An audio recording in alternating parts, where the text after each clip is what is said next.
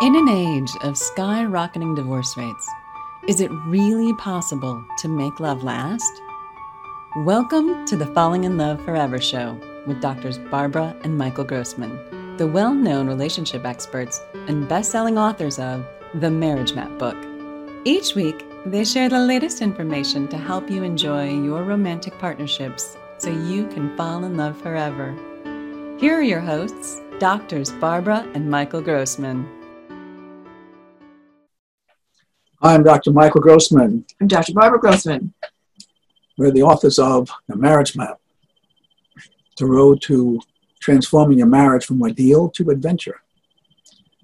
And we love talking about how to make marriages better, where you really can use marriage to be a transforming process where you can grow and develop and it's not designed to be easy. It's really not an easy process. Because however it works out 10 years later, it's a very different process. And you need to have a lot of skills to go through these processes, to, to deal with all the changes that are inevitably occurring in life. So, we're going to talk today about the masculine and feminine qualities that occur inside of us. So each of us have masculine and feminine. And in general, men have more masculine and women have more feminine, but we have both of those processes occurring. And how to balance those processes is a critical part of our growth and development.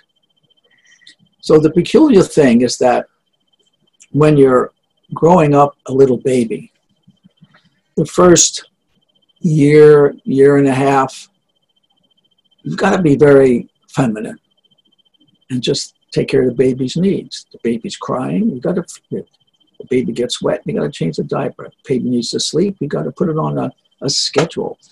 And that is a feminine thing. You're just nurturing, nurturing, nurturing, nurturing. A feminine quality is nurturing what happens? The child turns two, and what happens? You get the terrible twos. You get all kinds of things happening where the child now doesn't need nurturing. The child needs some firmness there. You've got to teach the child, no, you can't have everything you want at every minute. You've got to be able to say no to the child. No, you can't have that. You've got to wait.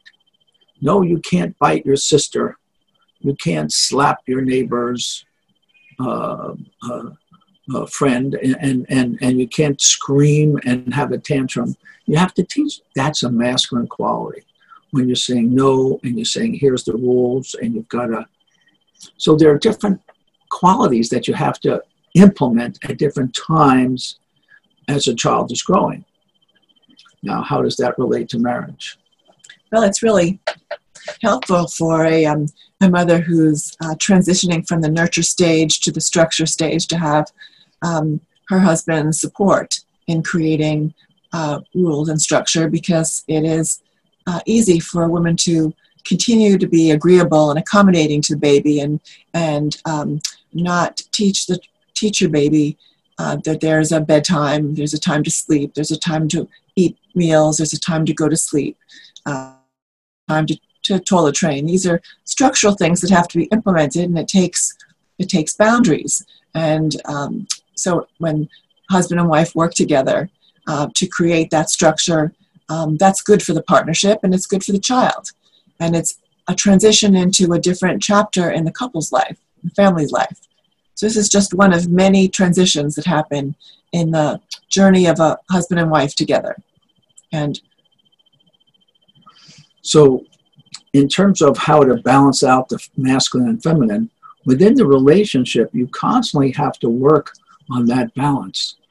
So at certain times in a, a man's life, he's really into his business, his career, getting ahead, making more money, getting things bigger and better. That's a masculine role.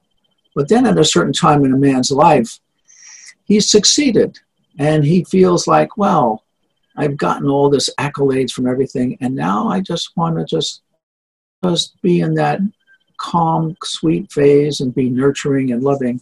And the man wants to be more in that feminine role as he moves into that phase. And a woman goes through her own phases, which may or may not be uh, in harmony with the man's phases. The woman will will have a different um, time schedule. Yes, women want to be competent too, and they want the respect for their competence. And so, in that way, and the uh, timeline for each partner's growth in these two areas, connection and individuality, uh, may be different. And so, it's important to be aware of where you are in your journey, so that you're you're not um, you're appreciating your partner and you're respecting yourself at the same time. You can you can come together and share and be partners in life, knowing that the differences don't mean anything about your love and your loyalty. It's, it's just the nature of the journey in life. And what we love to teach couples is about what this big process, what this big journey of life is for the man, and how it's different for the woman, and how you don't personalize these different changes that occur over a lifetime so that you can stay in love with your partner while they're changing. And they can stay in love with you while you're changing. And that requires skills to be able to communicate and share with each other and make requests of each other and understand your different processes. And that's an inevitable thing that occurs for every couple. So we encourage you to these big pictures of things, to read our book on marriage, and perhaps come to our classes, which are really fun. Men love it, women love it. It's really, really thoughtful and very, very practical. And it's also very private. Whatever you share stays very private. So we look forward to having you contact us. You know, our office is in um, Orange County, next to the John Wayne Airport. And uh, the office number is 949 222 0232. You can reach us online through the website, um, themarriagemap.com, and you can also reach us f- through ocwellness.com. Well, thanks so much for listening. Great to be with you. Bye now.